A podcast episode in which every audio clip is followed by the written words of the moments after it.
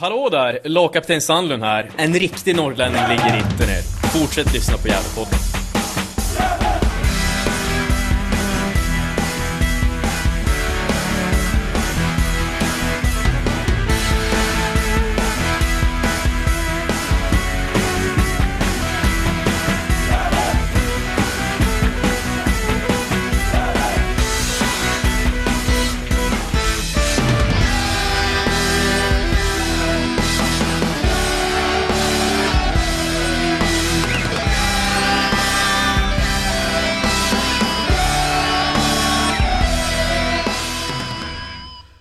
Hälsar jag alla varmt välkomna till Gävlepodden 231. Och återigen befinner vi oss i ett eh, soligt Gävle i alla fall, jag och Johan. Innan det på torsdag, när det så kommer det bli snö igen. Ja, jäkla elände. Det var Ja. onödigt. Ja, visst är det så. Och eh, med oss som gäst har vi Pontus Andersson, ettan fotboll, expert vill även utnämna det till. Hur är läget? Jo tack, det är bra. Det är början på en ny vecka och början på en ny omgång. Så det känns spännande att se vad den här kommande helgen kommer att erbjuda. Ja, och eh, såg att du, eller jag lyssnade ju på dig när du kommenterade Hammarby TFF Dalkurd för några veckor sedan. Var det första uppdraget? Ja, det var första med ettan i alla fall som expertkommentator. Eh, sen har jag gjort norr tvåan någon gång tidigare, men eh, ettan var det första. Hur kändes det då? Ja, alltså vad ska jag säga? Det var ju lite nervöst i inledningen, sen så gick det över. Eh, Det blev bättre och bättre i andra halvlek. Jag följde väl med Dalkurds spel där. Det blev lite halvkämpe i första halvlek, men det blev bättre i andra halvlek. Ja, jag tycker du klarar undan dig med eh, väldigt bra betyg. Ja, vi sa ju det, både jag och Niklas, att vi tycker att du skötte det bra. Ja, skönt att höra. Mm. Men vi ska in på något tråkigare ämne nu. vi ska in på Gävle IS match mot eh, Dalkurd. Och vi kan väl säga att vi kommer att prata om Gävle Dalkurd, men vi kommer även komma in på det vi pratade om i förra avsnittet, motståndarkollen, där vi ska analysera Hudiksvall lite mer. Men vi börjar som sagt med Gävle Dalkurd. Eh, 2-1 till Dalkurd blev det ju som sagt. Och eh, förändringen i startelvan var väl den förväntade. Kristoffer Våfflan Eriksson kom in istället för Amadou Calabane där. Annars var det samma startelva som, som senast. Och eh, måste jag ändå nämna det, för jag och Johan var ju på plats och gjorde lite intervjuer som ni kommer få lyssna på ganska snart. Men Dalkurds bortaställ, det var, det var ju inte det vackraste man har sett. Jag vet inte om, om, du, om du såg det Pontus? Nej, ingenting jag reflekterar över liksom. Men jag vet att de har nya mm, matchställ i år i och med de ska hylla. De har gått tillbaka i historien och hylla sitt ursprungliga färg liksom på matchtröjorna eller något sånt där. Ja, jag förstår. Jag fick, eh, fick vibbar av Norwich eh, i, i, i England där. eh. De kallas ju Kanariefåglarna och det var väl lite så jag tycker Dalkurd såg ut. Eh, eh, Ja, fast det var inte, inte lika... De, de som Norwich har kan ju vara lite fräcka och snygga på sitt sätt tycker jag. Det här var inte snyggt alls i färgnyanser överhuvudtaget tycker jag. Nej, nej precis. Nej, det var inte snyggt. Men, eh, men de, eh, de spelade ju desto bättre tyvärr, Dalkurd. Mm. Och vi kan göra så Men det- här, ja. Det är ju tanken som räknas bakom. Men jag tyckte absolut att det är en superfin hyllning. Liksom hylla sin historia med sin, med sin färg och så vidare. Det tycker Ja. jag var, det var fint gjort. Ja, tanken var god i alla fall. Absolut. Och, eh, men vi börjar med att, eh, att lyssna på en intervju med huvudtränaren Mikael Bengtsson. Ja, bra. Ja, då står vi här med huvudtränare Mikael Bengtsson efter 1-2 förlust hemma mot eh, Dalkurd. Tankar efter matchen? Du satt och pratade med Mehmet lång stund. Mm. Ja, eh, det gör vi oftast in tänkte jag säga. Men nej, vi kände att vi ville sätta oss här ute och, och bolla lite grejer. Eh, framförallt hur vi, hur vi ska ta gruppen på måndag. Mm. Börjar vi fundera på. Hur var tankarna innan matchen? För vi hade en podd i, igår kväll vi släppte ut där vi pratade lite om vad vi tyckte var viktigt och eh, hur man kunde attackera Dalkurd. Mm. framförallt i, pratar vi lite om djupledsspel och sånt och det känns som ni var lite, lite inne på att ha lite snabba bollar bakom deras backlinje. Var det någonting som var, som var tanken ni pratade om innan? Mm, ja, det, det, var det. Eh, vi visste att de skulle stå ganska högt med sin formation. Eh, vi förstod också att de, när vi spelade bollen till vissa ytor, att de skulle pressa ganska hårt, vilket gjorde vissa ytor uppstod och där kände vi att ja, vi ska försöka använda dem. Vilket jag tycker vi gör i första. Eh, eh Eh, jag tycker vi gör det på bra, ett bra sätt i första. Eh, sen tycker jag att vi eh, till och med skapar så pass mycket målchanser. Vi ska nog faktiskt göra 2-0 till och med den här matchen. Men eh, sen får vi inte till det andra helt enkelt. Eh, Dalkurd tycker jag tar över fullständigt och eh, ja, är klart bättre än oss. Mm. Ja, de är otroligt duktiga Dalkurd när, när de kommer med fart och får, får spela med det. Men vad, vad, vad är det som händer från en, för vi tycker att för 10 minuter tar vi över matchen ganska, ganska mm. rejält och framförallt Pontus Jonsson kommer i, mm. till många fina ytor. Mm. Um, vad, vad, är det som händer från första halvlek till andra halvlek som gör att, det, att, tipp, att bägaren rinner över till mm. Dalkurds fördel? Mm. Ja, det är ju alltid svårt att göra åt en djup analys på så här direkt efter. Men jag tycker om man tittar på första halvlek så pratar vi om den diagonala ytan som skulle nu bli med deras tre menande i mitt fält när de går iväg med spelare, vilket Pontus utnyttjade väldigt bra. Eh, jag tyckte vi utnyttjade ytan som Leo fick väldigt bra eh, genom att spela upp på honom. Eh, för att sen eventuellt använda ytan som är just runt deras tre mittbackar. Ehm, de sakerna pratade vi om i första, Jag tycker vi, eller pratade inför matchen, jag tycker vi lyckas lösa det bra i andra. Första halvlek, skapa målchanser. Andra tycker jag, bara som ett exempel, tycker jag att Eh, dels tycker jag att det tar för lång tid att få de passningar dit vi vill ha dem. Eh, sen tycker jag att vi har lite otur med att då, från att vi har våra passningar i speluppbyggnad till att vi faktiskt skapar en målchans eh, så fastnar ju bollen ganska ofta i det skedet som vi lyckades bra med första. Det skulle jag säga är den stora skillnaden utan att jag kan säga exakt varför det, vad det beror på men jag skulle utgå från att det var för dåliga positioner helt enkelt. Mm, ja, det var något som slog mig. Alltså, när den här bollen kom upp på, på Pontus eh, så det, mm. jag sa det till Niklas också där uppifrån uh, från läktaren då att du, han, hade, han hade inga alternativ. Nej, precis. Uh, det var ingen, han hade liksom ingen in och, och vet du, spela bollen till. Nej. Nej men det, ja, det, det också skulle jag nog säga att jag håller med om. Eh, jag tycker i första så fick han en yta som han använde där han faktiskt kunde vända upp. Han hade inte en markering på sig vilket gjorde att han kunde. Och vi kunde från att de pressade vår speluppbyggnad faktiskt skapa någonting eller åtminstone hitta ett anfallsspel från vår speluppbyggnad upp mot dem. Eh, I andra tycker jag att ehm, ja, dels får han ju markering för det är klart de vill stänga honom men det vi pratar om att då måste vi hjälpa honom eh, när han är felvänd helt enkelt i de lägena för att använda ytan som uppstår som, som markerar honom. Men vi, vi, får, det, vi, vi gör inte det tillräckligt bra tycker jag eh, faktiskt. Och nu är det andra matchen här för säsongen på hemmaplan mm. av två som vi tappar en ledning. Mm. Kan du se något spontana mönster så här efteråt? Varför det blir så? Oj. Uh... Mm, ah, svårt att säga. Det är ju återigen helt olika matcher det här och, och Luleå så det är svårt att dra några paralleller mellan de två matcherna. Förutom att resultatet är detsamma. Eh, ah, jättesvårt att säga ska jag säga. Det är utifrån återigen matchbilden som är den matchen och den här så är det ju återigen väldigt stor skillnad.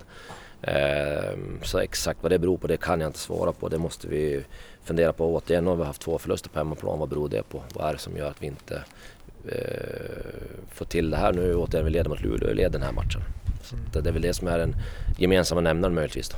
Mm. Ni eh, vet du, samlade spelarna direkt efter eh, slutsignalen. Sådär. Vad, vad sa ni för någonting till dem? Sådär? Mm, ja, eh, nej men det är väl egentligen sa väl bara det att eh, Ehm, jag, jag tyckte egentligen synd om dem av att eh, vi, jag tycker faktiskt vi är värda en poäng idag. Jag säger inte att vi är värda att vinna kanske utifrån att jag tycker att Dalkurd tar över andra halvlek. Så det vore dumt att säga att vi ska vinna matchen eh, utifrån matchbilden. Men jag tycker vi gör en så pass bra första och att vi skapar så pass mycket målchanser i första så att jag tycker att vi var värda ett kryss eh, och spelarna var värda ett kryss. så det sa jag, jag tyckte synd om dem utifrån det. och att vi har en situation som, som vi inte hade önskat just nu. Eh, och att vi, vi, vi, får titta på det på måndag och hur, hur tar vi det här vidare. Mm.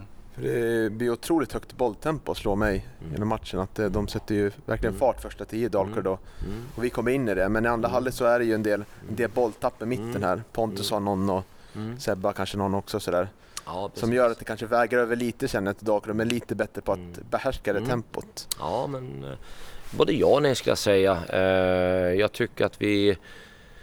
Tittar man på, återigen första så tycker jag vi spelar med högre hastighet än vad de gör faktiskt. Eh, jag tycker att de absolut de flyttar bollen men de är ju lite grann som vi kanske var inledningsvis förra året. Att de flyttar upp den, sen stannar de upp för att behålla bollen på offensiv planhalva. Jag tycker vi gör det bättre i första än vad de gör för att jag tycker vi har fart återigen från vår speluppbyggnad när de pressar oss till att vi slår den linjen som pressar, att vi faktiskt kan ta upp bollen och faktiskt skapa med fart. Sen handlar det om nästa del att ja men samma där, sista passningen, avslutet, hur bra kvalitet är det på det? Ehm, vi kommer dit, eh, vilket vi, vi ville och önskade och det, det tycker jag vi gör i första. Det gör vi inte i andra på samma sätt. Eh, eh, och det, det, det är ju någonting som ja, med hastighet kanske har att göra men definitivt tycker jag med, med egentligen hur våra positioner, det är som jag säger, vi, vi hamnar i, i ganska utspridda, den som får bollen blir väldigt själv ofta. Och vi, vi har ju ändå i grund och botten när vi ska försöka passa bollen så är det felvänster så måste du ha någon att passa till. Om du inte kan vända och det är klart att Pontus kunde vända första som ett exempel, han kunde inte vända andra och vi blev fast. Så att eh, eh, så det är klart, vi, vi, vi, vi använder oss inte riktigt av de strategier vi gör, behöver göra, tycker jag.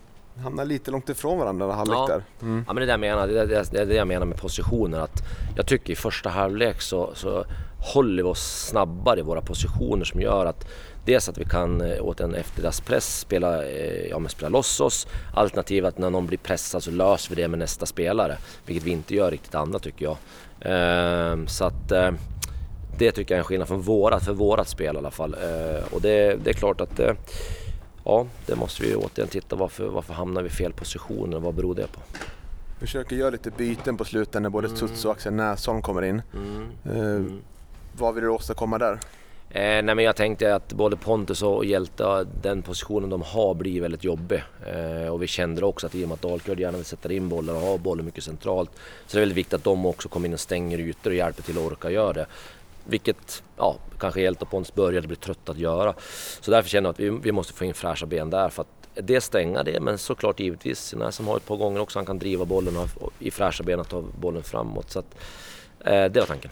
Mm. Och eh, Erik Granat går ut skadad då efter en halvtimme då, ungefär. Eh, status på honom i dagsläget, finns det något att säga? Ja, jag vet nog inte så mycket mer än att det var, han har haft lite känning i baksida förut. Det har gått över, han känt sig bättre och nu fick han känning igen. Så att det är det nog enda jag vet. Mm.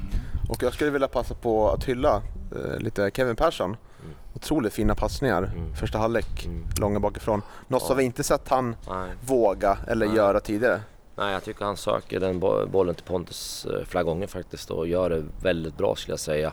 Eh, så han, eh, han tycker jag gör en, absolut en bra match. Eh, jag tycker även att Leo gör en bättre match eh, eh, inledningsvis av de matcher vi har haft hittills tycker jag. Eh, så att, eh, nej jag tycker återigen, första halvlek tycker jag utifrån vårt perspektiv tycker jag, vi, jag tycker vi är en bra första halvlek. Jag tycker vi håller oss till den matchplan vi har. Vi, vi, vi spelar utifrån de för, förväntningar på matchen vi trodde det skulle vara. Vi använder dem ute vi skulle. Eh, eh, så första är jag jätte, jättenöjd med och därför är det också jävligt surt att, ursäkta att jag svär, men, men eh, att det blir det att ja, okej, vi, vi tappar den för lite för, för enkelt andra halvlek eh, och sen ett resultat då som såklart gör att eh, vi förlorar. Det är tungt. Mm. Ja, ni har ju nu som sagt inte fått den där starten som, man kanske, som ni kanske skulle önskat naturligtvis. Då. Vad, vad blir viktigt nu på fredag när ni möter Hudiksvall? Mm. Ja, det... Egentligen kan man väl säga det, det, det vi... Jag tänkte säga efter Luleå-matchen, samma sak. Det är att någonstans måste vi släppa den här matchen. Eh, att eh, den besvikelse att vi inte får vinna matchen såklart. Men också såklart att nu byggs det ju på någonstans av en, av en, en besvikelse som liksom blir då inledningsvis med tre matcher och inte har vunnit än. Va? Så det är klart att där blir det ju en, en, en eh, en del som vi måste försöka, vad, vad, vad befinner sig varje spelare i för, för tillstånd i det här nu? Eh, hur, hur påverkas de? Om de påverkas? Eh, vissa tror jag är ganska säker på att de, ja, det är nästa match som gäller, ganska snabbt faktiskt. Men vissa kanske tycker att ja, det är inte den starten vi ville ha. Vad innebär det? Vad, hur går vi vidare? Och, så det, det kommer ju vara lite olika typer av, av jobb med olika spelare tror jag. Hur länge kommer det ta innan du börjar fundera som tränare på att göra några... några du har själv pratat mycket om att eh, ni, vi har, ni har era principer att spela fotboll. Mm. Men hur länge kommer du att spela med en samma typ av uppställning 4-4-2 innan Mm. du började tänka nu måste vi justera till det här. Mm. Tänk på förra året så Mm. vart det en liten förändring efter Mm. 10-15 matcher. Mm, absolut. Nej men det, det, det, på, egentligen skulle jag säga att det pågår ganska eh, konkret, alltså, det, hela tiden egentligen tycker jag. Eh, vi tycker att vad är det för spelare vi har, vilken uppställning ska vi ha utifrån det, hur kan vi spela vårt spel kontra våra motståndare. Eh, som vi sa nu, ja, nu lyckas vi faktiskt bra i första med det. Eh, jag tycker inte vi lyckas i andra.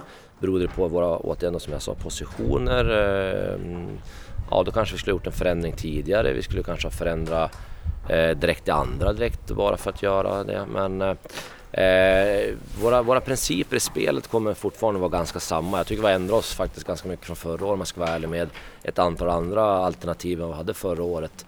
Eh, det vet jag inte om det ja, totalt sett har blivit så lyckat om man ska vara ärlig. Eh, vi kanske måste gå tillbaka till det vi verkligen hade som grund förra året faktiskt. Och, eh, verkligen så jag känner att vi, vi hittar tillbaka till det till att börja med.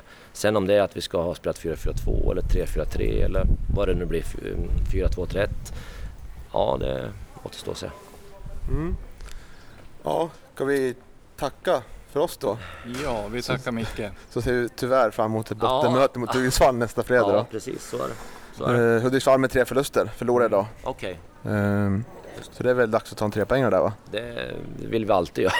Men ja, man får inte det man önskar alla gånger tyvärr. Men, eh, nej, men det är klart vi vill det, givetvis. Mm. Ja, tusen tack! Tack så mycket. Tackar.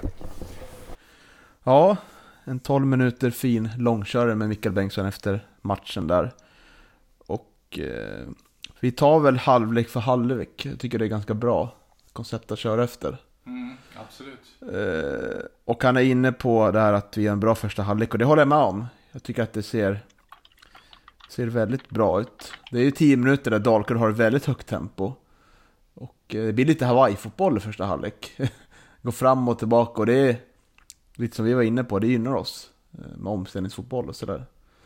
Pontus Jonsson gör en bra första halvlek tycker jag. Kommer med mycket bra fart. Och är ju även inblandad i målet där sen. Så, ja, otroligt fin första halvlek av Pontus tycker jag som verkligen är med i allt vi gör första halvlek. Ja, vad, vad säger du Pontus om första halvlek? Eh, jag tycker väl att, alltså, det är ju som, som, eh, som det blir när Dalkurd spelar fotboll och de vill ju spela possession-fotboll liksom. Men jag tycker ändå Gävle gjorde, jag hade gjort hemläxan innan liksom och försvara lågt och liksom låta dem komma in och, och försöka och sen för sedan vinna bollen och ställa om liksom. Och det fanns ju några tillfällen där under första halvlek som det faktiskt blev så. Eh, och som ni var inne på liksom med Pontus Jonsson där på kanten. Han var ju väldigt aktiv och sådär. Eh, Men jag tycker att själva spelidén i första halvlek tycker jag funkar. Eh, Den funkar bra mot Dalkurd och det är väl lite så man kanske måste spela mot dem om man inte vill bedriva alltså, bollinnehavet och possession, possession-spelet själv. Liksom. Eh, men det är svårt att möta Dalkurd. Eh, det har de, det har de visat under inledningen också. Det blir ju oftast att de liksom tar initiativet i, med bollen och allting. Och, men samtidigt så de, är, har, de har problem med att skapa målchanser. Det är det deras eh, akilles här, akilles här ligger liksom att du, du kan ha bollen men du måste fortfarande göra någonting med den. Eh, och det är ju oftast de kommer runt där på kanterna en del med inspel och sådär. Men det blir ju liksom aldrig riktigt farligt skulle jag säga. Nej, det känns som vi har ganska bra koll på Dalkurd. Efter, när, efter tio minuterna slutar att vi ligger rätt och de får passa runt bollen där men kommer ingen vart. Och tycker vi är otroligt duktiga på att eh, få in bollar bakom deras backlinje. Eh, Mm. Att eh, det blir... Faktiskt Kevin Persson har ju otroligt... eh, Att är mer framgångsrik än han varit under hela karriären känns som just den här matchen. Att det blir många fina bollar bakom där som Hjälte får springa på. Och som faktiskt borde, det borde nog blivit ett mål till där. Eller vad tycker du Johan? Ja, absolut. Eh, Det var precis som Micke var inne på i intervjun också. Att, eh, att eh, det var ju synd att de inte gjorde 2-0 för att det, det fanns verkligen eh, chanser för, för Gävle att göra 2-0 också. Eh, Och det hade ju varit, det hade jag kanske fått se en helt annan eh, matchbild i andra. Eh, Det jag tycker, eh, som jag tyckte Gävle gjorde bra i första också, det är precis som du säger att de hittade eh, in med bollar bakom eh, Dalkurds eh, backlinje. Men de här raka och att eh, Leo och Isak löpte mycket i djupled. Och eh, även Jakob Hjelte. Eh, de, de bollarna gillade jag verkligen. Och, man sårade och störde verkligen Dalkurds försvar på det viset. Och det blir ju så ofta så att, eh, i alla fall i den här matchen, det är så tydligt när, när just att det är Kevin Persson som slår långbollarna också. Eh, där tycker jag väl att det visar väl att Gävle saknar någonting på mittfältet. Att det är just, att det, det är just Kevin Persson som tvingas slå de där boll, långa bollarna. Inte för att det var dåliga bollar, utan det var ju faktiskt bra, mm. bra, bra omställningar. Men just att det är Kevin Persson som slår dem, det är lite det som jag tycker väl är huvudbryet liksom just nu. Ja, för, för ser man de tidigare matcherna vi spelat den här säsongen så har ju både Jakob Hjelte och Pontus Jonsson blivit ganska isolerade. Men just den här matchen tycker jag att de blir väldigt mycket delaktiga i första halvlek. Och eh, båda går ner och hämtar boll och, och eh, hittar den här ytan där. Eftersom Dalkurd spelar med spelar inte med en yttermittfältare. Det är ju tre centrala mittfältare där. De hittar ytan där och kan driva på med boll där och eh, komma med fart och skapa lägen. Eh, men och då blir det mer som du är inne på Pontus, att våra innermittfältare eh, ja, det kändes inte som att de var med riktigt offensivt och gjorde någon stor skillnad den här matchen. Nej, och sen så i och med bytet där på eh, Erik Granat när Kalabani kom in. Eh, det är inte som att de är ju lika samma spelartyper direkt, utan det blir ju kanske, det blir lite mer att man blir lite mer defensiv med Kalabane-bytet där. Eh, så det är ju lite liksom vad, vad liksom, vad ska man göra? Eh, I, när matchen såg ut som den just då såg ut i första halvlek. Eh, man skulle kunna byta in Oskar Karlsson också istället för Erik Granater, men jag vet inte vad det hade genererat. Nej, och det är ju speciellt ämne där tycker jag, Erik Granat. Det är ju en, en, spelare som kom förra året med otroligt höga förväntningar på sig som inte infriades. Fast vi, i alla fall jag pratar gott om honom i podden. Men det är ett större ansvar på Erik Granat i år. Och eh, han fick ju inte spela på sin favoritposition förra året som när han spelade ute med fältet utan nu är han på där han vill spela men jag tycker inte han hamnar rätt på något sätt. Han hamnar ju väldigt långt ner ibland och ska fördela boll där men det är inte så att det kommer jättelånga krossar som är snabbt upp på kanten utan det blir det blir det här spelet att eh, passa runt där och, eh, och försöker komma med spel från backlinjen och framåt. Mm. Vilket ibland är bra, men ibland inte alls så bra. Och eh, vill du se honom i den här ytan, där han kan fördela bollar ganska snabbt till våra anfallare där, men där lyckas vi inte alls komma in i den här matchen. Utan det är ju, vi är ju, vi är ju mest framgångsrika via, via kanterna den här matchen. Och det är väl också, ja, som du var inne här med Kevin Persson, det är väl också ett, ett tecken på att, att det är där vi har våra spetsegenskaper ehm, eh, sett offensiven. Mm. Men sen så blir det ju också så att matchbilden blir som matchbilden blir med, med att Dalkurd har bollen och Gävle tvingas med omställningsspel. Eh, men samtidigt så när man kanske möter andra motstånd och ska bedriva den här possession-fotbollen eh, så blir det kanske...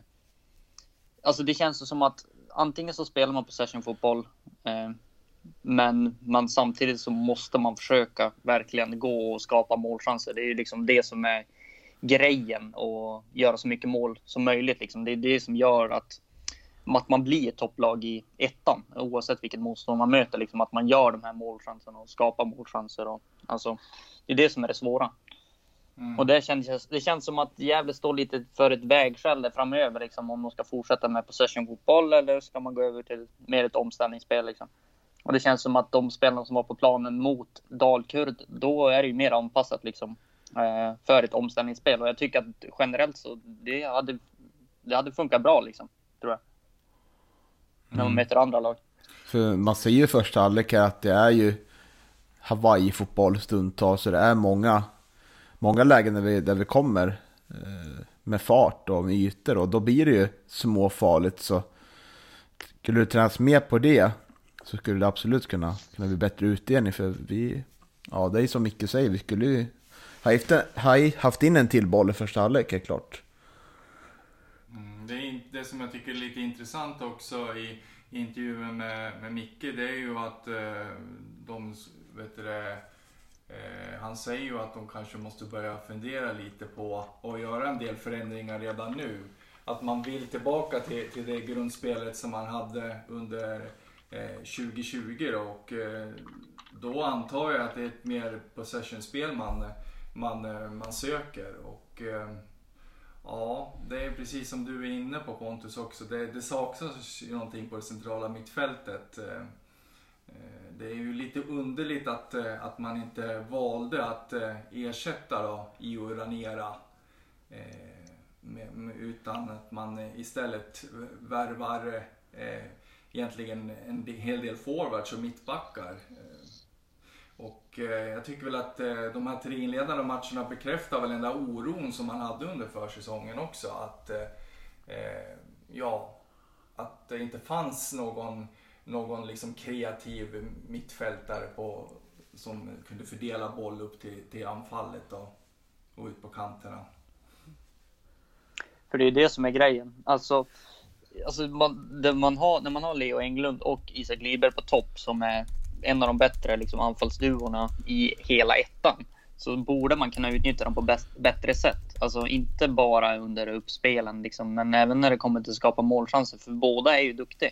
Alltså, det såg man ju liksom när djupledsbollarna kom där i första halvlek. Vad, vad, vad effektiva de är. Båda vill framåt och bryta sig in. Framförallt Leo, eh, tycker jag. Han var, tycker jag såg bra ut den här matchen. I alla fall i första halvlek. Ja. Eh, de, de, de, de vill, det syns ju att de vill. Och och till slut får ju faktiskt Leo också göra mål, vilket, vilket behövs för hans självförtroende. Mm. Ja, det som eh, också eh, jag har reflekterat över i de här tre matcherna, det är ju att tyvärr så hamnar ju eh, Leo och Isak som eh, uppspelspunkter lite för mycket kan jag tycka. För att det är ju meningen att, eh, att eh, Pontus Jonsson och Jakob Hjälte då ska ska kliva in i, i de positionerna egentligen och eh, vara bollmottagare i uppspelen. Men, eh, men nu blir det lite så att eh, de hamnar i samma ytor där ute på kanten. Eh, man, eh, jag tycker att Isak och eh, Leo kanske ska ha lite mera centrala utgångspunkter. För att de, de hamnar lite i vägen för varandra tycker jag. Ja, och sen någonting jag reflekterat över nu de här matcherna, det är ju att eh, framförallt Isak Liberg hamnar väldigt mycket ut på kanten. Eh, och den här matchen vänsterkanten. Där både Pontus och Albin befinner sig. Och konsekvensen av att han hjälper till där ute, det blir ju att det är ganska tomt inne i straffområdet när väl inlägget ska slås. Så det, det, vet jag inte om det är ett, eh, ett strukturfel i själva anfallsspelet eller om det är ett eget val att han går ut dit. Eh, men det, det känns som att det blir väldigt tomt inne i straffområdet för när väl inlägget ska slås. Eh, som, som gör att det, ja, han ska inte befinna sig där ute, han ska vara inne i straffområdet. Ja, det är väldigt trångt där ute liksom. Ute vid kanten blir väldigt trångt och när, när, när eh, vet du, ytter, ytterbacken och eh, Eh, mittfältaren och liksom forwarden som Isak i det här fallet och liksom befinner sig i samma yta egentligen. Och det är där Isak, Isak är ju som, är ju som bäst där liksom inne. Eh, det såg man i den här matchen också. Han, var, han, var ju, han hade ju någon klackchans där också och hade ju ett jätte nästan läge eh, när han kom några hundradel bakom bollen liksom för att, för att, vara en, för att skapa en målchans. Eh, så han, han ska ju vara där inne, men det är också det är tillfälligheter och det är små marginaler och allt. Ja, jag tänker att vi, vi lämnar första halvlek så kom, återkommer vi till det Micke Bengtsson sa i intervjun om, om att vi kanske måste å, gå tillbaka till ett värdegrund som förra året. Tycker vi återgår till det lite senare? Ja, absolut. Du tyckte jag var lite tidig där alltså. Mm. mm. det brukar vara det. Ja. ja. men vi går över till andra halvlek och så börjar vi med att lyssna på en intervju med Leo Englund och Pontus Jonsson. Schysst att du ställer upp. Ja, men det är lugnt. Nu har jag ja. ner mig lite igen. Nu står vi här med Leo Englund efter en 2-1 förlust mot Dalkurd på ett soligt Galevallen. Det här var ju tungt, eller Tankarna efteråt? frustrerad. Otroligt frustrerad tycker jag. Eh, ja, jag tycker att vi gör en bra första halvlek. Skapar mycket chanser och vi eh, spelar in i dem, spelar med bra värdering. Um, sen tycker jag att andra halvlek så gör vi inte riktigt gör det lika bra som i, i första halvlek. Vi, vi hjälper inte varandra på samma sätt. Vi, det blir lite stillastå, stillastående. Uh, och ja, så andra halvlek räcker inte idag tycker jag. Tycker du att ni följer matchplanen från början? För det kändes som att ni var ganska tydliga med att slå långa bollar ganska snabbt bakom deras backlinje. Uppfattar vi matchplanen rätt där? Eh, ja, slå långa bollar hade vi inte pratat om. Vi har pratat om att de hade en trea centralt där bak. Och jag och Isak skulle kunna, kunna springa, springa komma in bakom där. Eh, och det tycker jag vi utnyttjar i första halvlek framförallt. Eh, eh, och det är ju, leder till farligheter ett par gånger. Um, kanske skulle ha blivit ett eller två mål till tycker jag i första halvlek med de lägena vi skapar.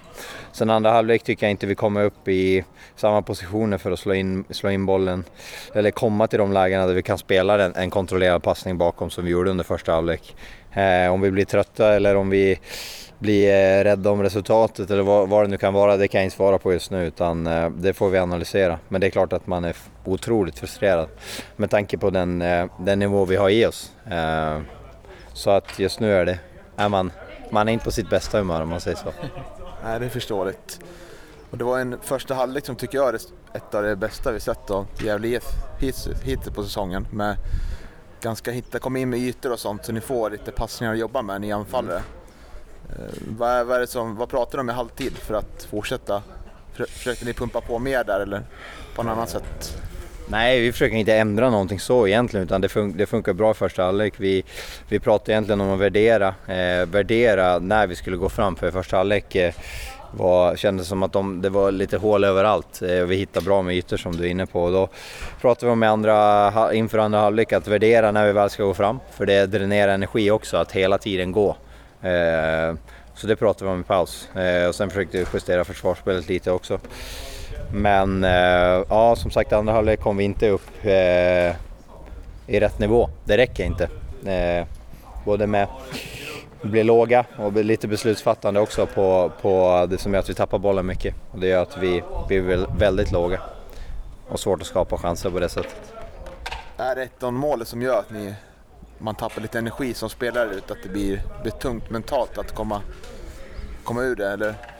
Nej, alltså ja, det är aldrig bra att släppa in mål när man har 1-0. Eh, och, och eh, eh, vi har ju släppt in mål, mål, tidigare de två första omgångarna också. Det, det, är klart att det alltid är tungt men det är inget som påverkar att matchen var död på så sätt utan eh, det är små detaljer som avgör. Nu släpper vi in en, en hörna som är, eh, det får vi titta på också vad som händer på den, men det, men det, det är för enkla mål. Så enkelt är det. det är, vi jobbar hårt och skapar bra med chanser och, och Eh, får inte riktigt till det, får inte riktigt eh, få det att lossna eh, än så länge. Med, med, och vi släpper in mål för enkelt, så enkelt är det.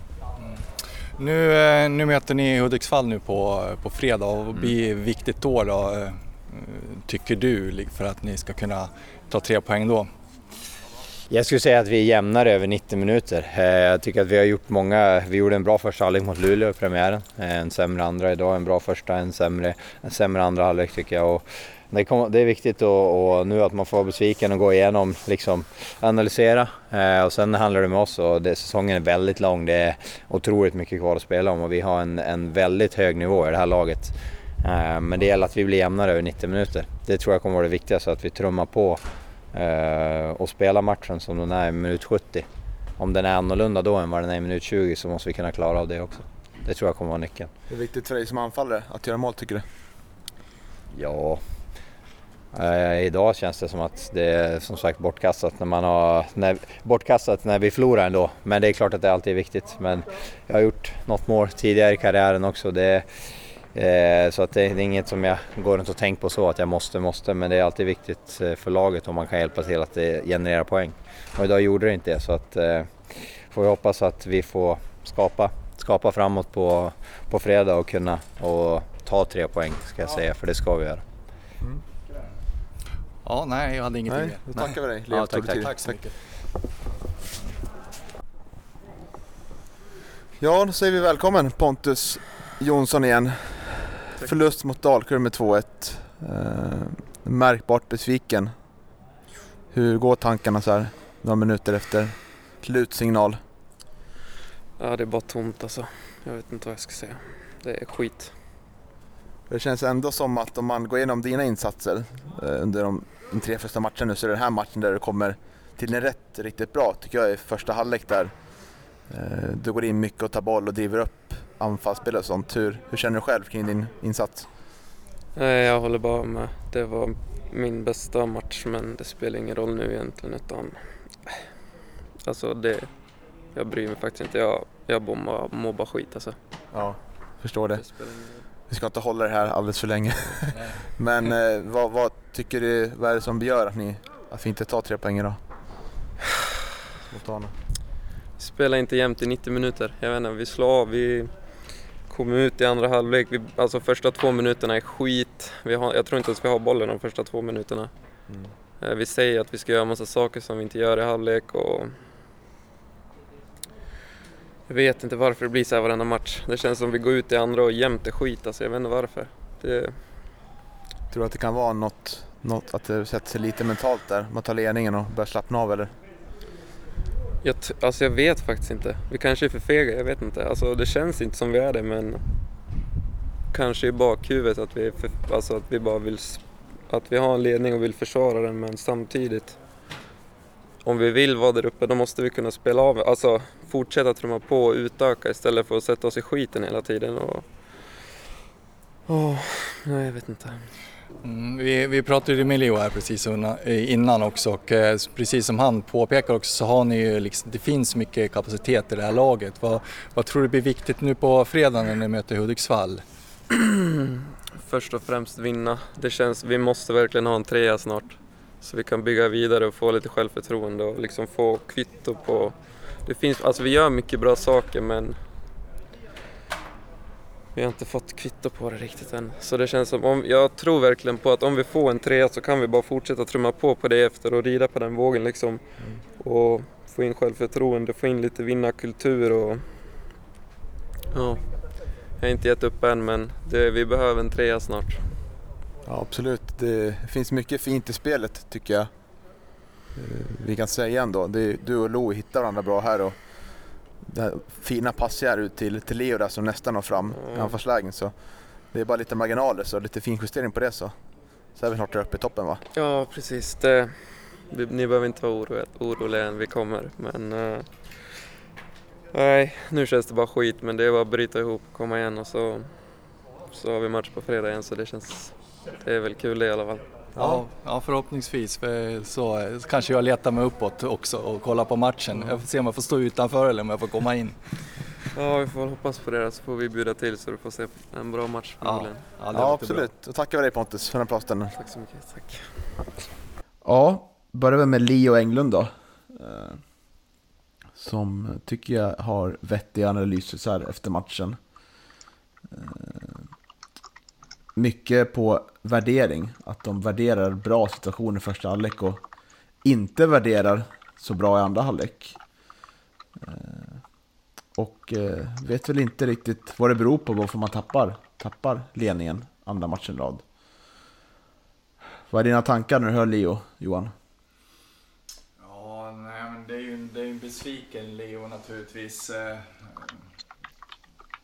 han, han fick göra sitt första målen eh, vet du den här säsongen då, men, eh, men han tycker väl att det, det spelade inte så stor roll egentligen. Eh, Men, men det är precis som eh, du säger, det, det är väl en bra analys e-, egentligen. Det, det, de gör en väldigt bra första halvlek, eh, det håller jag med om. Och, eh, men sen är det någonting som inte fungerar riktigt i andra. Eh, Dalkurd tar ju verkligen över i, i andra halvlek. Och det handlar ju i stort sett bara om Dalkurd, dessvärre. Ja, och jag, likt er andra, såg ju Dalkurd vända mot Hammarby TFF veckan innan och eh, var ju lite rädd att det skulle bli liknande här så att jag funderade på i halvtid. Eh, för där kom de ju verkligen in med fart och eh, tog över matchen. Och var lite rädd att vi skulle bli för passiva och ja, vi blir väl till stor del det också tycker jag dels av en konsekvens av att Dalkurd har ett högt bolltempo och är mer framgångsrika andra halvlek tycker jag. Och vi, vi tappar i mittfältet tycker jag andra halvlek. Vi slår bort mycket, mycket enkla bollar och Ja, det var något som inte föll ut där i paussnacket eller vad, vad det nu kan vara. Nej, precis. Så samtidigt så har ju, jag gör ju Dalkurd vissa justeringar också och eh, de kliver ju upp ganska hårt och, och plockar bort eh Pontus Jonsson och eh, Jakob Hjälte. Eh, så att eh, det är taktiskt smart av eh, Dalkurds tränarteam där. Ja, vad är din bild Pontus? Vad är det som händer i andra halvlek? Nej, men det är bara... Ja, jag håller faktiskt med. Det är en bra analys. Ehm, det känns som att när Dalkurd var i den situationen eh, mot HTFF också så gjorde de lite finjusteringar och tryckte på. Eh, och det visar sig ju likadant mot Gävle. Eh, de sårar ju Gävle på ett annat sätt. Alltså de är mycket snabbare i, i, när de passar bollen och det är fler som tar fler löpningar eh, i andra halvlek. Och när man är i den situationen tidigare, eller som man har varit tidigare, så då vet de vad som krävs. Men eh, det är fortfarande, alltså, de har ju fortfarande 1-1 liksom, till eh, 75 minuten där. Eh, de, hade ju, de var ju lite närmare till målchanser och så vidare. Eh, men det är ju, det är ju en konsekvens av Dalkurd trycker på också. Eh, och jag tycker de gör det bra, Dalkurd. Eh, mm. Det, får man, det får man faktiskt ge dem. Men samtidigt så för Gävles prestation så det, den är inte tillräckligt bra i andra halvlek. Nej, det var jättesvårt att komma ur pressen tycker jag. Det ser man i första kvarten av halvlek. Det är ju blir en del bollar desperat framåt som inte lyckas få en anfallsspel på. Som gör att vi, vi blir nedtryckta och börjar bli mer och mer frustrerat där ute.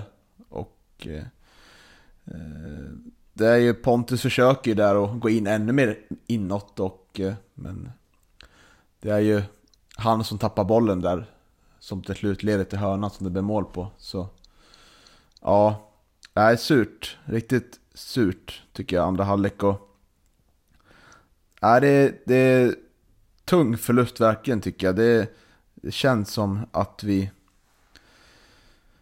förtjänar minst ett kryss då, som de var inne på och pratade här. Och eh, intervjun med Pontus, eh, han, var ju, han var ju minst lika besviken i första intervjun med honom efter Luleå-matchen. Men här var han nog ännu mer besviken tror jag. Och... Eh, eh, ja, det, det gäller ju liksom att de hanterar den här förlusten väldigt bra nu i spelargruppen och verkligen går samman och... Och... Eh, och eh, börjar tro på det här liksom, att man kan prestera över 90 minuter. Mm. Jag var noterbart också att när vi kom ner på plan och skulle göra intervjuerna, det var ju att eh, eh Micke Bengtsson och Mehmet Bakir satte sig ner eh, lite på sidan av där och de satt säkert i, i 20 minuter och, och, och pratade igenom eh, vad de ska göra den här veckan och hur de ska hantera gruppen efter den här inledningen. Och det, det, det tycker jag väl känns väldigt sunt på något vis. Eh, att, man, att man gör så. Och eh, även att man eh, samlade hela laget efter, efter slutsignalen där också. Och att man pratade ihop sig innan man gick in i omklädningsrummet. Men det är ju lite så. Det känns som att det är, det är förstås ingen, ingen i Gävle som hade hoppats på den här inledningen. Men jag tycker väl fortfarande, det är, tre, det är bara tre matcher spelare, så det, jag tycker väl att det finns väl inte egentligen någon fara på torpet så. Eh, jag tycker väl att alla de här tre inledande matcherna har varit helt olika Eh, det har varit helt olika matchbilder med olika förutsättningar med Sollentuna och deras eh, gräsplan och den här matchen och eh, den förlusten mot Luleå där. Det känns som att det finns ju, alltså jag, jag köper liksom hur Gävle vill spela och spelartrupp, det finns potential i spelartruppen liksom, men det är ju som små justeringar som behövs liksom. Eh, jag tycker väl ändå att Isak och eh, Leo gör mycket rätt. Kevin Persson tycker jag fortfarande, alltså han ser bra ut. Eh, men det är, det är små justeringar som behövs framöver liksom för att eh, vända på det här. Men jag tycker fortfarande att det, det finns potential fortfarande. Absolut, det finns ju, finns ju det är 27 matcher kvar och eh, det är liksom ingen fara på taket på, på, på det viset. Eh, eh, och egentligen så det enda stora plumpen i, i protokollet det är ju i förlusten mot Luleå hemma där i premiären. För jag menar 1-1 borta mot Sollentuna det, det tycker jag är klart godkänt ändå med tanke på, på underlaget och tanke på att faktiskt Sollentuna placerade sig bättre än vad Gävle gjorde förra säsongen. Eh, jag vet att det är många Gävle-supportrar som ser det som en katastrof att man får 1-1 mot Sollentuna på bortaplan. Det, jag tycker att det, det är ganska väntat faktiskt. Och eh, sen, eh, sen eh, förlorar man mot ett väldigt bra Dalkurd där hemma. Det är klart att, att man är besviken över det och att, att man inte kan stå upp bättre. Men, men som sagt, Dalkurd kommer från Superettan eh, och eh, de vet vad det innebär att spela på den här nivån också. Eh, jag menar, de har ju de har många säsonger i, i division 1 norra och mm, de vet liksom eh, vad som krävs för, för att eh, vinna matcher i ettan. Och samtidigt har de en stark trupp också. Det är ju en väldigt, alltså om man ser till eh, individ till individ liksom i Dalkurd, alltså det är ju det, man ser ju att alla har en väldigt bra grundteknik. Alla vet hur fotboll ska bedrivas. Liksom. Så det, det är hatten av till Dalkurd mm, hittills med vad de har presterat. Alltså trots att visst, de har inte skapat, de har inte vunnit alla tre matcher eller skapat tillräckligt mycket målchanser. Men alltså just sättet att de spelar fotboll, alltså, eh, det får man faktiskt lyfta på hatten på. För det, det är inte många lag i, i ettan förutom Lindome och kanske Brommapojkarna som kan spela som fotboll. Liksom. Mm. Nej, så är det ju. Det är ett otroligt bra lag och som, som vågar spela mer med högt tempo än vad vi gör. Och eh, orkar väl mer 90 minuter än vad vi gör den här matchen. Så ja, eh, men det är surt ändå att mål kommer till på en hörna där det känns som att Tim Markström som kanske borde ta den här bollen ändå. Eller vad tycker ni? Alltså det är från nära håll eh, och han är ju ytterst nära att ta den. Eh, det är bra fart på den där bollen. Och, ja, det, den, den går in lite lurigt där mellan benen men men som sagt, det är bra fart på den. Det är svårt att, att säga om man borde, om borde ha tagit den eller inte tycker jag. Sen är det så pass halvnära också. Det blir ju väldigt kraft när han kommer in med fart där. Eh, Dylan Ismail. Mm. Ja, och sen är det ju, försöker forcera på slutet här och gör ju ett, eh, ett dubbelbyte där när, när Sutsu och eh, Näsholm kommer in. Eh, men det ger liksom ingen, det blir ingen riktig offensiv utan det är ja, lite för halvstressigt i lägen och det är för dåliga inlägg när man väl kommer till inläggslägen så... Eh, nej, det känns inte som att de här bytena gjorde någon större effekt, vilket är synd, för jag tycker det behövs att det är spelare där bakom, för nu har vi spelat med i princip samma spelare där framme, från mittfältet och anfallet. Eh, och det behövs ju komma spelare från bänken som visar bra insatser att eh, vi vill också ta en plats här för att sporra dem dem där längst fram. Mm, jag tycker väl ändå att Näsholm gör ett fullt godkänt inhopp och ganska pigg. Driver bollen eh, framåt och, och försöker eh, skapa en del. Han har väl ett skott som är hyfsat bland annat. Eh, från distans då. Han, han är ju du, duktig på att skjuta så att, eh, jag tycker att det är bra att han försöker. Det är väl, eh, det är väl Chucho som jag tycker kanske inte gör något större avtryck egentligen, tyvärr det är hans första match också för, för säsongen. Så att han har ju varit borta på grund av skador och sjukdomar och sådär. Så mm. Kanske inte riktigt är redo för, för 90 minuter ännu. Vad är status på Nils Nilsson? Ja, jag pratade... Eh, jaha, Nilsson. Ja, vi, vi vet ja, faktiskt inte riktigt eh, hur det är med Nisse. Nilsson. Nisse Nilsson? Uh, ja, han uh, var ju på bänken senast. Eh, fick inte hoppa in, så han är nog startklar. Mm. Nej, jag tänkte just man, i och med hans fart och, och hur matchen såg ut så tänkte jag väl kanske att det kanske skulle kanske bli ett inhopp där på slutet för att liksom få, bidra med mer fart. Liksom. Mm, ja, jag håller med. Han är ju duktig vet du, djupledslöpare också. Eh, och man hade kunnat möjligtvis eh, kunnat eh, hota på det viset. Mm. Och det var ju samma läge där mot Luleå, men då när vi ställde frågan till Micke Bengtsson, då var ju att det, det fanns ingen ytter för Nisse att löpa på. Så jag antar att det kan vara samma resonemang han skulle använt om vi frågat honom nu, samma fråga tänker jag. Mm. Mm, fast det är två olika matchbilder så att jag skulle inte ha köpt den eh, förklaringen i så Ja, men ligger på för mål ganska tight framför. eh, Ligger lågt Dalkurd, Mm. tycker jag. Det är ju i så fall om Ni- Nils hade kommit in lite, Nils hade kommit in lite tidigare då. Ja, Mm. precis.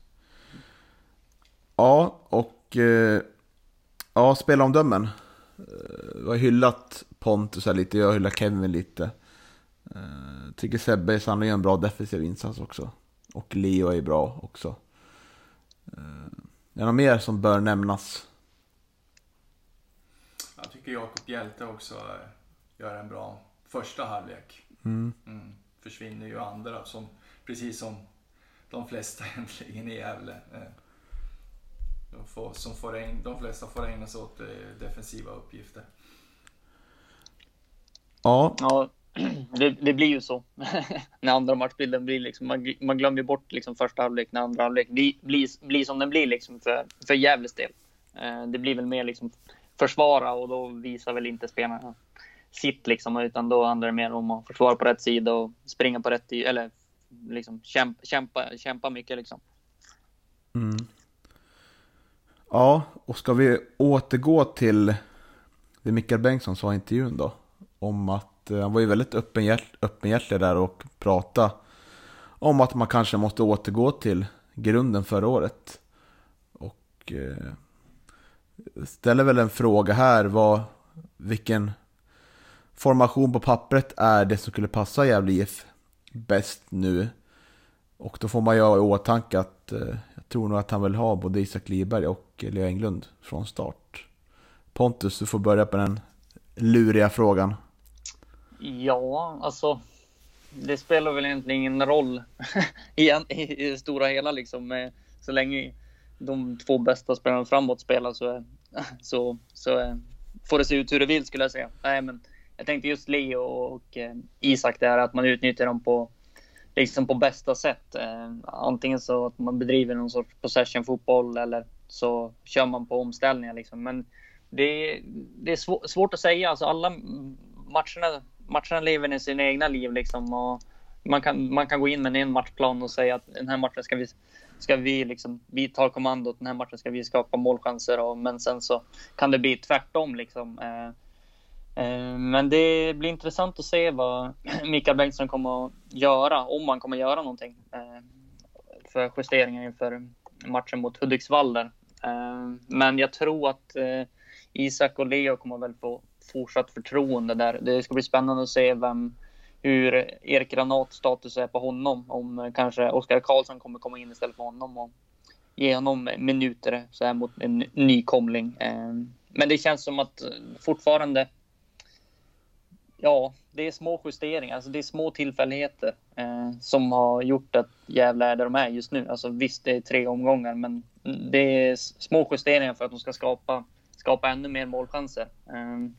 Ett alternativ är ju att kanske flytta upp Kevin Persson på mittfältet eh, som, som kan slå de här bollarna eh, och Kalabani kliver in och tar hans plats där i, i mittförsvaret. Jag vet inte riktigt. Nej, det är ju en intressant eh, tanke. Eh, Kevin Persson är ju mittfältare från början. Eh, han, hamnade som, han hamnade i försvaret nu sista säsongen här. Men, men eh, under ungdomsåren och juniortiden så spelade han ju på mittfältet. Så att, mm, Han vet, ja. han, kan, han kan ju positionen, men fortfarande, alltså det, jag förstår varför man spelar Kevin som back. Han är ju trygg och, trygg och stabil och gör, gör bra insatser match efter match, tycker jag. Eh, både med och utan, utan boll. Eh, men sen så, att sätta honom på mittfältet så tappar man kanske den, den här påbörjningen av eh, uppspelen. Liksom. Ja, sen kommer jag komma ihåg att eh, jag tycker det var ett otroligt framsteg för Kevin Persson senaste matchen för att han har ju haft en tendens att inte våga slå de här bollarna han gjorde senast. Eh, så jag tror väl inte att han skulle kanske passa så jättebra på innermittfältet i den aspekten att få fram avgörande bollar utan jag ser väl snarare en, en lösning som jag inte alls tror är aktuell men som jag tror skulle kunna vara intressant. Det är ju Linus Hallin som har visat vara otroligt eh, duktig passningsspelare. Kanske en av de bättre i truppen. Eller den bästa kanske till och med. Det vore otroligt intressant att se honom på ett innerfält. Eh, Även fast jag inte tror det är så troligt med tanke på att han har befäst sin plats som högerback. Men jag tycker att han har väldigt intressanta egenskaper. Som gör att han skulle passa väldigt bra som innermittfältare. Ja, det hade varit en spännande lösning. Eh, först mittback, sen högerback, sen in i mittfält liksom för honom. Mm. Eh, Blir inte kvar länge GIF då.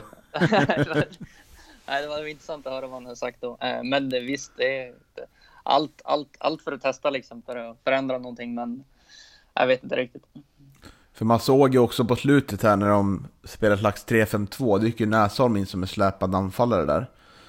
Eh, och eh, ska man få till någon slags 3-5-2 eller 5-3-2 med någon slags släpande mittfältare där. Så, så är väl, det är väl Näsholm som skulle kunna vara aktuell där och Pontus Jonsson sådär då. För jag tror väl att oavsett vad Micke nu gör så kommer han att hålla ganska mycket fast vid att han vill ha, han vill ha två anfallare där framme. Det vore tjänstefel att inte ha det. Ja, ja, bero, eller, ja, beroende på deras status, om det är någon som är skadad eller har någon, mm. har någon känning liksom. Men det känns som att Isak och Leo bör spela oavsett. Ja, de, eh, de besitter ju otroliga eh, vet du kvaliteter just när det gäller målskytte och, och som anfallare. Så att, eh, så att eh, det vore väl som sagt tjänstefel att inte ha dem på plan eh, samtidigt. Eh, det, det, kan vara lite svårt också då man har två så pass duktiga forwards i, i en trupp att eh, sätta en på bänken också kan jag tänka mig. Men vad tror du Johan? Tror du att eh, tror vi kan se någon Eh, förändring i, vårt, eh, i vår formation då? Eller spel? Principen sa jag att det kommer hålla fast vid. Det, så vi kommer ju se ett possession-spel. Det tror jag är ganska övertygad om. Ja, alltså det är ju just det. Vad är det om man har spelat inledningsvis av den här säsongen? Det, det känns som att det, det är lite svåranalyserat. Eh, jag menar, matchen såg ut som man gjorde eh, mot Luleå. Då, då backade ju Luleå hem, så då, då var det ju något slags possession-spel. Inte särskilt eh, framgångsrikt egentligen.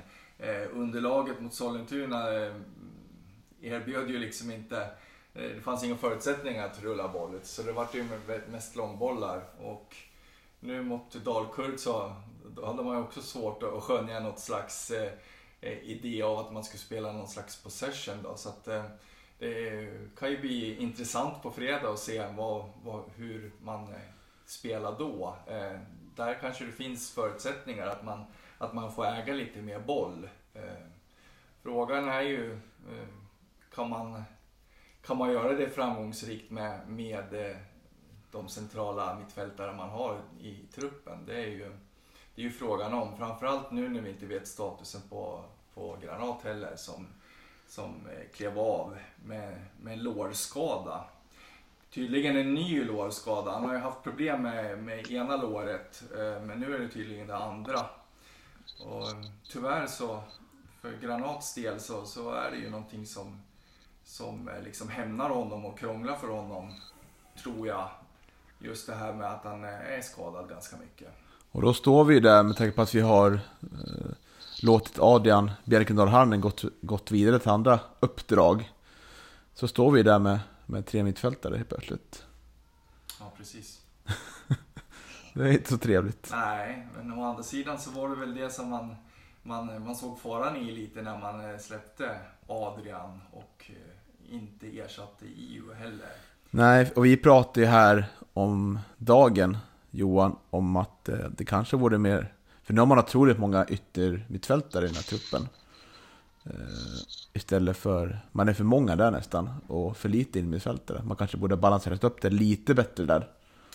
Ja, exakt. Det var väldigt mycket forwards, väldigt mycket yttermittfältare och väldigt många eh, mittbackar i den här truppen. Eh, och inte så många centrala mittfältare då. Eh, ja, det, det ska se det ska bli intressant att se vad som händer där framöver. Det, eh, Gävle söker ju en, en lägenhet till en eh, manlig spelare.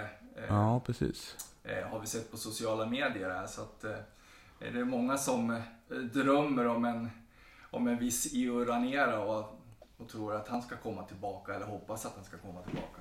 Ja, vi kan återkomma till det. Jag tänker att vi släpper in Pontus här. Vad, Jag kan ställa frågan till dig Pontus, tycker du att Micke bör ändra något nu? Nej, jag tycker alltså för jag, jag tycker han inte ska förändra så pass mycket, alltså inte förändra någon liksom. Det är små, så här, små justeringar liksom i spelet och hur man ska spela upp och så. Alltså det, jag tycker att man ska behålla fortfarande köra på samma samma, samma, för, samma lag liksom, få, för att få den här kontinuiteten och samtidigt inte byta framåt. Alltså visst, Leo har gjort ett mål och Isak står på noll mål, eh, men låt dem, låt dem köra, låt dem få speltid. Alltså, att, att byta ut dem och satsa på någonting annat eller testa någonting annat, det tror jag inte kommer ge så pass mycket liksom. Visst, de kanske skulle, skulle kunna göra någon förändring liksom, men jag tycker fortfarande att du ska satsa på kontinuiteten istället. Det behövs. Ja, och jag är väl inne på samma spår där. Eh, men jag tycker man bör hålla väldigt mycket koll på hur det utvecklas det här samarbetet mellan, mellan Leo och Isak där framme. För de kan inte gå på samma bollar och befinna sig i samma yta. Det måste liksom funka bättre där. Och att vi verkligen kommer till fler, fler lägen och sätter dem. Annars börjar vi se en oroväckande trend. Så jag tror väl kanske att man kommer justera lite där, kanske att någon kanske går... Kanske kommer gå ner lite mer. Eller om någon kommer gå in lite mer i boxen en viss tillfälle där och... Eh, men det är ju, ja. För samtidigt så tycker jag väl att Isak har fått lite för, vad ska man säga, Isak har väl fått lite oförtjänt kritik skulle jag säga. Alltså visst, han ska göra målen, men ser man på vad han bidrar på planen. Alltså, jag tycker han har en bra grundteknik, han tar rätt löpningar och så. Eh, så jag tycker väl att han har fått lite oförtjänt kritik på så vis. Alltså inledningsvis, förutom att han inte gjort mål liksom. Men jag tycker ändå att det är så pass små marginaler så att när det väl lossnar för honom så kommer det lossna. Det är samma sak för, som det var för Leo Englund förra säsongen. Då var det också till och från för honom att när, det, när han väl gjorde ett mål så kom det ju flera. Alltså förra året i september så gjorde han, vad var det, sex mål tror jag. Efter att han hade mm. blivit bänkad mot Luleå. Hoppade in 25 minuter. Matchen efter gjorde han mål och sen dess var han fast, bofast i startelvan för Sandviken under hösten. Och det, det är, jag tror det är samma sak med Isak också. När han väljer ett mål så då kommer det lossna och då kanske det kommer lossna för hela laget. Ja, det tror jag verkligen på. Och eh, han är ju otroligt nyttig, Isak Liberg, i spelet märker man. Han eh, pressar väldigt högt och eh, vinner mycket dueller också och är en smart spelare. Så, eh, så det är ja, en otroligt duktig spelare på alla sätt och vis. Behöver bara få ut lite mer mål eh, i honom tycker jag. Han har ju en del lägen i den här matchen som man också ja, kanske förväntar sig lite mer att han kommer på mål i alla fall. Ja, men jag, då är jag inne på Isak Liberg så hade han en intervju här i Gävle Dagblad för en vecka sedan. Där han pratade om sin framtid och eh, jag blev väl inte upprörd men blev lite förvånad kan man säga för att han det lät så väldigt mycket klart om att han skulle lämna i sommar. Och eh, då tänker jag, ja, ja, det kan det ju vara. Ingen content med det, men att tala så pass mycket om det tycker jag sänder lite knepiga signaler ändå. För att det, det kan uppfattas som att han har tankarna på andra platser. Och det kan även uppfattas som oprofessionellt tycker jag. Förstår ni hur mina tankar går här? Pontus? Eh, ja, jag eh, som supporter förstår jag absolut. Eh, man vill ju se, sitt, se sin egen spelare som är i truppen liksom verkligen slåss för, eh, för klubben liksom. Eh, men samtidigt som, alltså, han gjorde ju väldigt bra ifrån sig förra året liksom och då kanske han skulle ha gått istället för att gå som det verkar som nu senare nu under sommaren. Eh, det är väl också lite olycklig timing liksom och, och att den kommer ut nu samtidigt som det inledningen på säsongsinledningen inte var superbra. Men vi får se.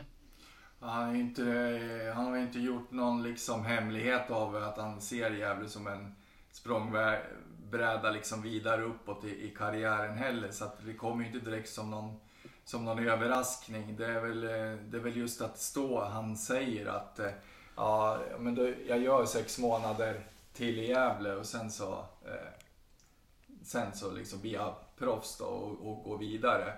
Eh, så att, eh, ja, det är som du säger, som supporter så blir man ju lite fundersam då. Eh, är han liksom, har han hjärna och hjärta någon annanstans eh, redan? Eh, Sen visar han på plan att han är, är i Gävle i... I... Ja, det Ja. tycker jag. Alltså inställningsmässigt så tycker Ja, jag precis. att det lämnar ju ingenting att önska på det viset. Men jag tycker inte man ska hålla på och uttala sig sådär ändå, så pass öppet ändå. Tycker det kan sända lite konstiga signaler.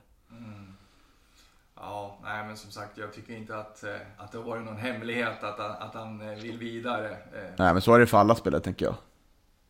Fast alla spelare pratar inte om det. Nej, det gör man inte. Men, men Isak Lidberg är Isak Lidberg. Eh, Mm. Men det är ju snarlikt som i till exempel hockeyn eller liksom i SHL och Hockeyallsvenskan att spelare Eh, bli klar för en annan klubb innan, innan säsongen ens är slutförd. Liksom. Men eh, de är ju tillräckligt professionella liksom, för att behålla, vad ska jag säga, vara i stunden liksom, och slåss för klubben där de är liksom, ändå. Och jag tror Isak är, jag känner inte honom personligen eller träffar honom, men jag tror det han har visat på planen hittills under inledningen, liksom, han, han är ju fortfarande kvar och han kämpar och sliter och det är liksom snart kommer målen och då kommer det här, vad ska jag säga, det som, har, det som man uttalar som var glömt tror jag, eh, på så sätt. Alltså, det är ju, om, det, om man hade gjort mål liksom nu under ledningen och han hade sagt samma grejer, vad, vad hade ni tänkt om det då? Ja, då hade jag inte haft det här snacket naturligtvis. Eh, så är det ju.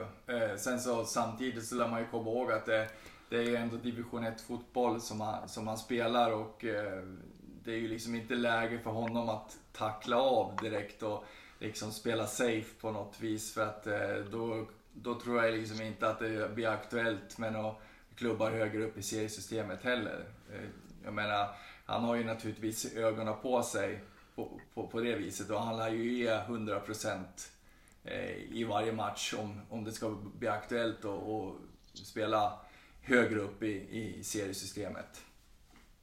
Mm, visst är det så.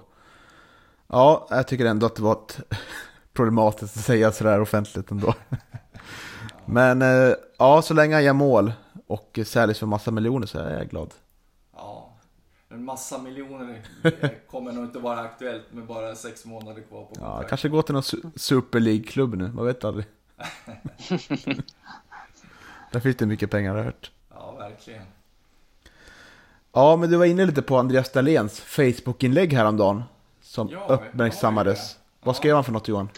Jo, att man eh, söker eh, en etta eller en tvåa till en eh, manlig eh, spelare i klubben. Eh, det kan ju naturligtvis vara någon, någon som har spelat lite musik för högt för och haft lite fest och blivit vräkt eh, i aktuella spelartruppen. Men, men Han skrev väl inte att det var ett i spelartruppen va? Nej, det gjorde han inte. Nej. Nej, Nej så eh, det har ju naturligtvis dragit igång spekulationerna lite.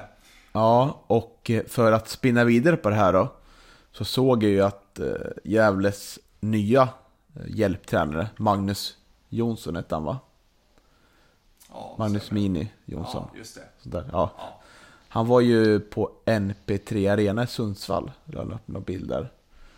Då kollade jag, Sundsvall spelar ju inte. Eh, Det kan mycket väl att det är någonting med tränarutbildning och sånt där, men jag bara tänker högt nu, men nu har i alla fall sagt att han är i Sundsvall och på här fotbollsarena. Då får man ju tänka vad man vill om det. kan vi spekulera ytterligare då. Ja. Men eh, värmar man eh, spelar under den här tidpunkten i, i slutet på april, då måste det väl vara en kontraktlös spelare antar jag. Jag är inte riktigt eh, insatt i regelverket. Ska man Ska man värva någon under kontrakt så ska, det väl, då ska man väl ha speciella skäl till det, har jag för mig. Va? Ja. Söker dispens och så. Stämmer. Det, man ska ha dispens och spelaren ska vara kontraktlös under en viss tid. Kanske är någon spelare från Kina där. Det har vi Men jag måste, jag måste ändå hylla er för att ni har kollat upp verkligen allt kring ett rykte. Det, det får jag faktiskt ge hatten av. eh, För att kolla upp Facebook-sidor och det ska vara en ny lägenhet och allt möjligt. Så eh, det, det, jag gillar engagemanget. Ja, men vi älskar ju att göra sån research. Vet du. Det, sånt där är ju kul att få spekulera lite. Ja, snart ligger vi utanför Mikael Bengtssons lägenhet där och spanar med kikare. Mr X, eran Mr X alltså. Ja, Ja, exakt. Eh, Gå förbi någon sms-terror till, till Micke här under veckan. Nej, vi, vi får väl se vad det här tar vägen. Eh, Det visar väl sig eh, ganska snart, tänker jag. Eh, för att bara jag tänkte bara slog mig nu. Ett annat alternativ skulle kunna vara en, ett samarbete med GIF Sundsvall. Eh, med, med några juniorer eller någonting också. Alltså, du vet, som Mm. vi var inne på under, under försäsongen när vi eh, var med i förra podden angående, då snackade vi lite grann om Hudiksvall och, och eh, GIF Sundsvall. Jag, jag nämnde att det kanske skulle bli ett samarbetsavtal mellan de två och, och så vidare. Kan ju vara någonting som någonting sånt mellan GIF Sundsvall och Gävle också, men det tror jag inte. Spännande. Ja, ni får gärna höra av er ni som lyssnar om ni vet någonting mer om det här ryktet. Ja. Ja, vi ska gå över till nästa segment i podden, det är ju motståndarkollen. Ja, just det. Och eh, vi ska gå in på Hudiksvalls FF. Nykomlingar i etta norra heter det nu.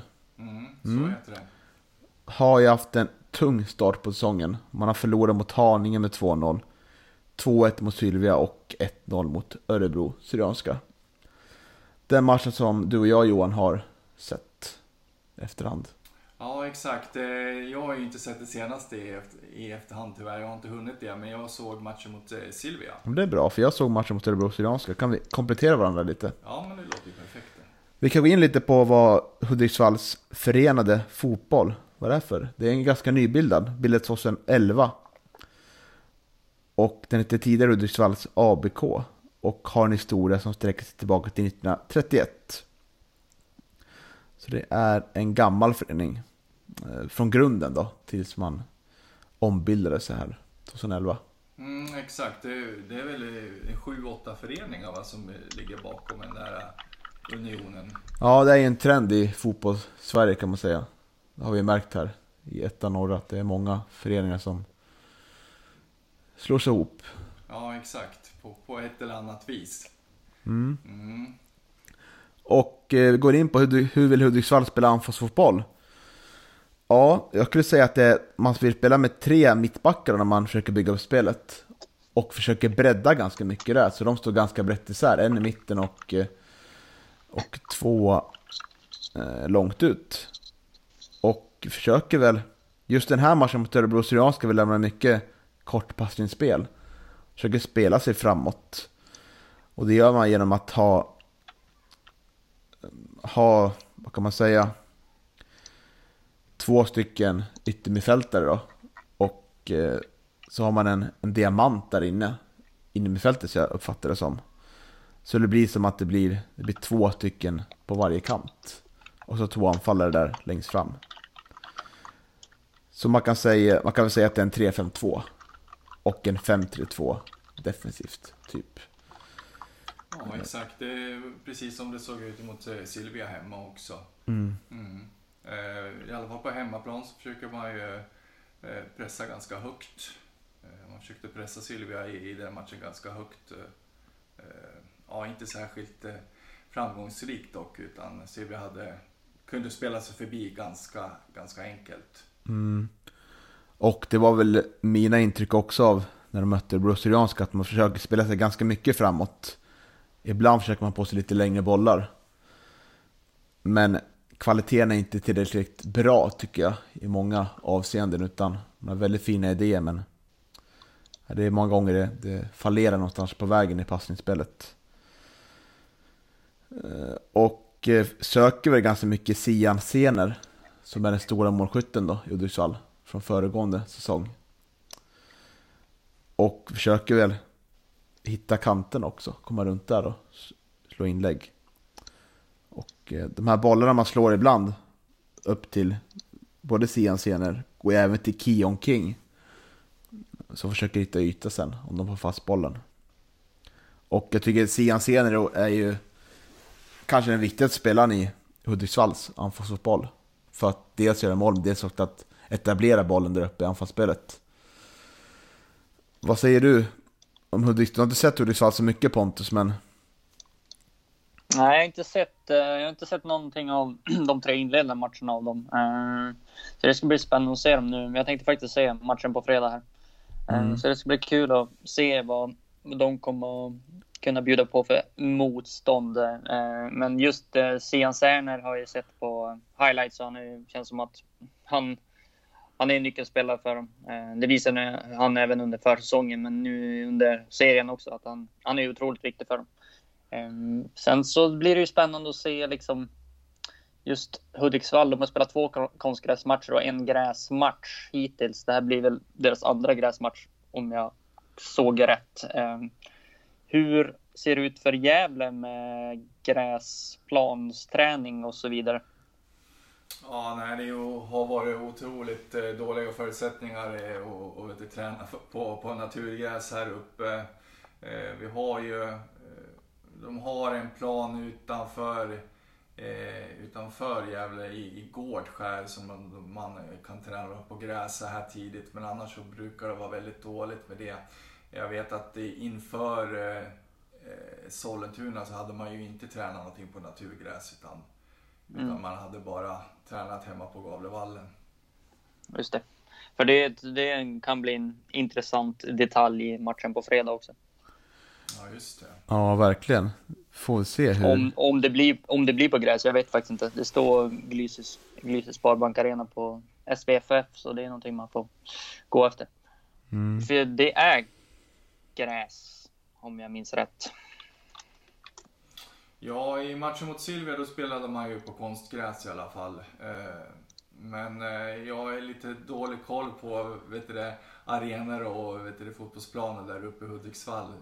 Det kan ju vara ett Så eh, att- taktiskt spel där av Hudiksvalls tränare Benny Dahlin att... vi- Nej, men undrar om, inte, undrar om inte de har lagt om så att det är konstgräs där. Jag, jag blir fan osäker nu, nu när jag säger det. Ja. Ja. Nej, som sagt, det, det såg ju ut att vara en eh, ganska simpel eh, idrottsplats som man eh, vet du, spelade på i alla fall. Det var, man hade, lite, hade lite problem med, med kameravinklarna där på, på Sportexpressen. Nåväl. Eh, försvarsspel Hudiksvall. Här tyckte jag att i matchen mot Örebro Syrianska man låg ganska långt ner. Man hade låg press. Eh, I en slags 5-3-1-1 då. Där Kion King blir det med släpande anfall. Försöker täcka den ytan. Eh, sen blir det så att de pressar högre i andra halvlek när de ligger under. Men eh, Örebro Syrian ska ha ett högre bolltempo matchen innan tycker jag. Som gör att de får ju 1-0 ganska välförtjänt. Så det... Ja, man ligger ganska långt ner som sagt. Och eh, Wingsen försöker stå lite högre än övriga backlinjen tycker jag. För att eh, motverka att komma upp på kanterna. Och man täcker gärna upp i mitten också sådär. Ja, något mer om försvarsspelet där. De pressar högre mot Sylvia sa du? Ja, de gjorde det. Eh, Det kan väl hänga ihop med att det var eh, spel på hemmaplan kanske också. Eh, Att, att, man, att man kanske försöker praktisera ett lite mer av sitt egna spel på, på vet du hemmaplan då. Mm. Man, eh, man pressade ganska högt och Sylvia hade som sagt inga större problem att spela sig förbi den pressen. Eh, Var det för att det var en osynkad press då eller? Vad skulle du säga det berodde på? Ja, alltså Silvia är väl också ganska erkänt eh, duktiga på, på att rulla boll så att eh, likt, likt många lag i, i, i norrettan så, vi, så eh, vill man väl praktisera något slags eh, possessionspel och, och rulla och är ganska duktiga på det. Mm. Samtidigt så, ja, jag inte pratat så mycket om Silvia men, eh, men eh, de gör väl inte heller någon eh, dundermatch där mot, eh, mot Hudiksvall heller tycker jag. Nej, men om jag ska passa på att berömma Hudiksvall då. Hudiksvalls styrkor tycker att de är, de är otroligt disciplinerade i sitt lag. Och eh, har ju ett fint omställningsspel när väl allt stämmer tycker jag. Har ju faktiskt ett par, eller några lägen att kvittera mot Örebro Syrianska. Så. Och eh, de har spelare med fart. Så det gäller att se upp med. Mm. King, eh, ganska kraftfull, duktig med bollen tycker jag. Intressant. Är väl lite omskolad eh, forward. Har väl spelat längre ner i banan tidigare om jag förstod eh, Ja, Andreas också. Smedbacken rätt när jag pratade med honom. Eh, och sen har man ju senare då som jag tyckte, jag såg ju honom i den här matchen mot Silvia och han är ju inblandad i det mesta i, i anfallsväg eh, naturligtvis då och tycker att han var väldigt duktig när han eh, provspelade för Sundsvall när man mötte Gävle också. Jag tycker att Sena var en av de bättre spelarna i Sundsvall i den matchen så att eh, det där är ju två eh, killar som, som Gävle får se upp med eh, på, på fredag. Mm. Och att se upp med också såg jag Lukas Bergqvist har ju ett otroligt fint inkast såg jag. Kom otroligt långt där. Mm. Fasta situationer, det är alltid lurigt. Mm. Ja, svagheter då. Lite som det var inne på. Jag tycker kvaliteten att spela sig ur, den, är, den räcker inte till. Och det leder till att det blir många långa bollar som inte lyckas få fast i, i anfallsspelet som gör att motståndarna får, får bollen då. Och eh, det tycker Örebro Syrianska skadade utfall med, det var att de hade eh, bra bollar bakom deras backlinje. Som gjorde att de kom i många farliga lägen. Man ser framför sig att Hudiksvall har ju de har svårt mot lag som har ett högt bolltempo och bra rörelse i anfallsspelet. Då hinner man inte riktigt med att flytta runt och försvara sig. Så det blir väl en, en matchbild mot Gävle där det blir likt det vi såg i försäsongen.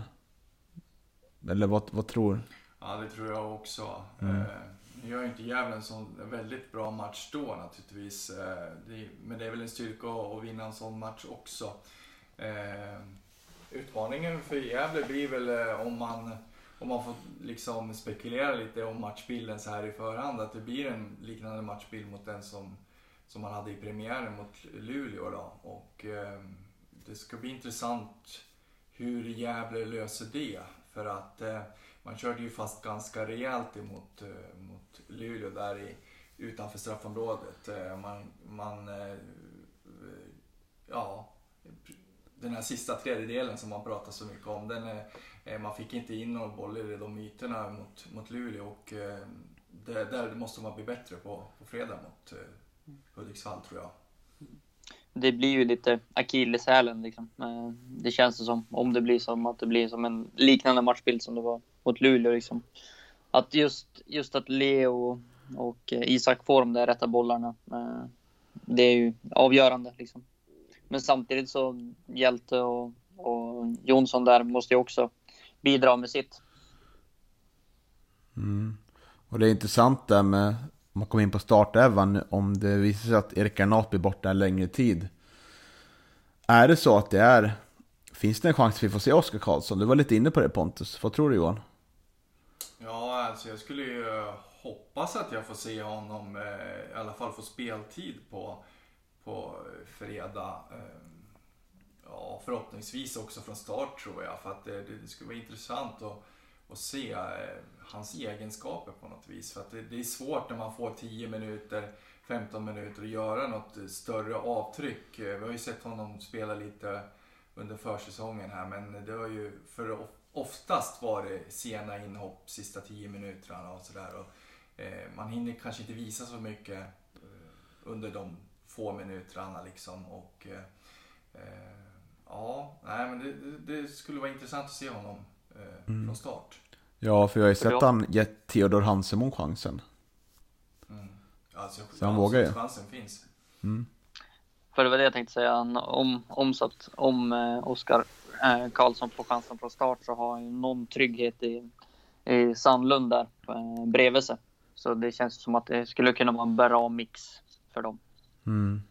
Ja, för i en sån här match passar inte Amadou Kalabane in riktigt.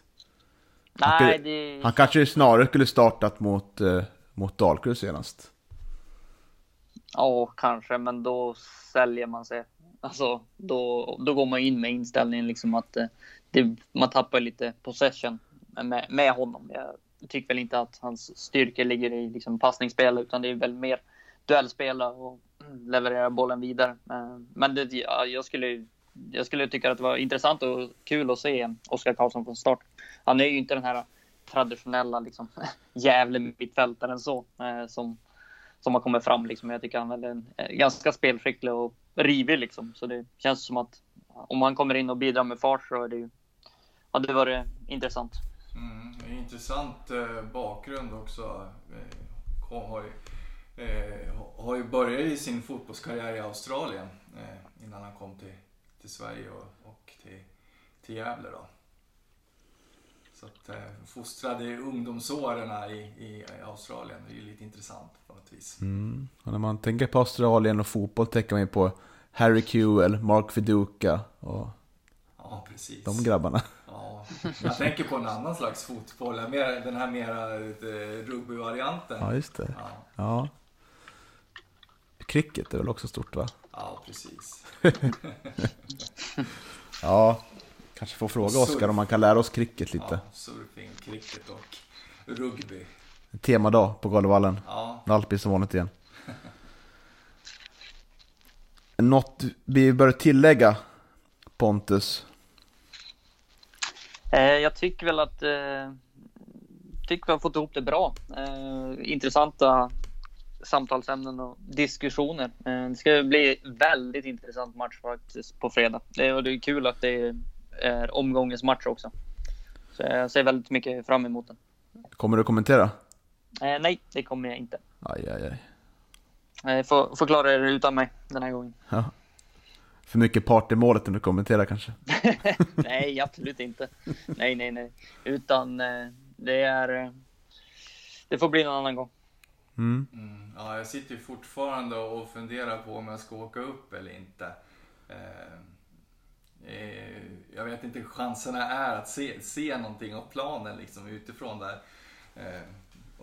samtidigt så ja, vädret skulle inte bli det bästa på fredag heller så att eh, man kanske blir lite väderkänslig och sitter hemma och kollar på, på Sportexpressen istället. Ja, det återstår att se. Ja. Eh, men vi siktar i alla fall på att vara på plats kommande hemmamatch och göra intervjuer återigen. Ja, exakt. Då är det Umeå som gäller. Då är det Umeå. Eh, men det tar vi då, hur Umeå vill spela fotboll. Det är långt är genomlidda 90 minuter. Ett elände i taget. Eh, stort tack Pontus för att du tog dig tid och ville snacka lite fotboll med oss. Tack själv, kul att, kul att vara med igen.